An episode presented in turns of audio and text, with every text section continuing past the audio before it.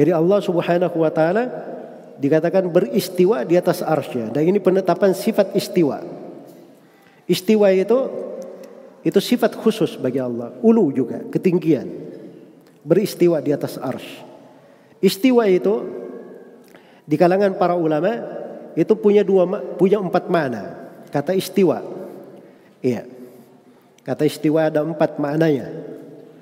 Kata Ibnu Qayyim rahimahullah, ولهم عبارات عليها أربعون قد جئلت للفارس الطعان منها استقر وقد على وكذلك ارتفع الذي ارتفع آه، ارتفع الذي ما فيه من نكران وكذاك قد صعد الذي هو رابع وأبو بيبدة صاحب الشيباني يختار هذا القول في تفسيره أدرى من الجهم في القرآن kata Ibnu Al-Qayyim para salaf itu ada empat bahasa, empat kata untuk makna istiwa.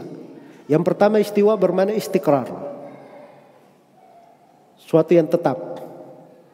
Yang kedua, istiwa bermakna Allah, yang tinggi. Yang ketiga, istiwa bermakna irtafa. Irtafa. Yang di atas atau yang apa namanya ulu itu tinggi eh, di atas ya irtafa itu tinggi. Kemudian yang keempat istiwa bermana as-saud.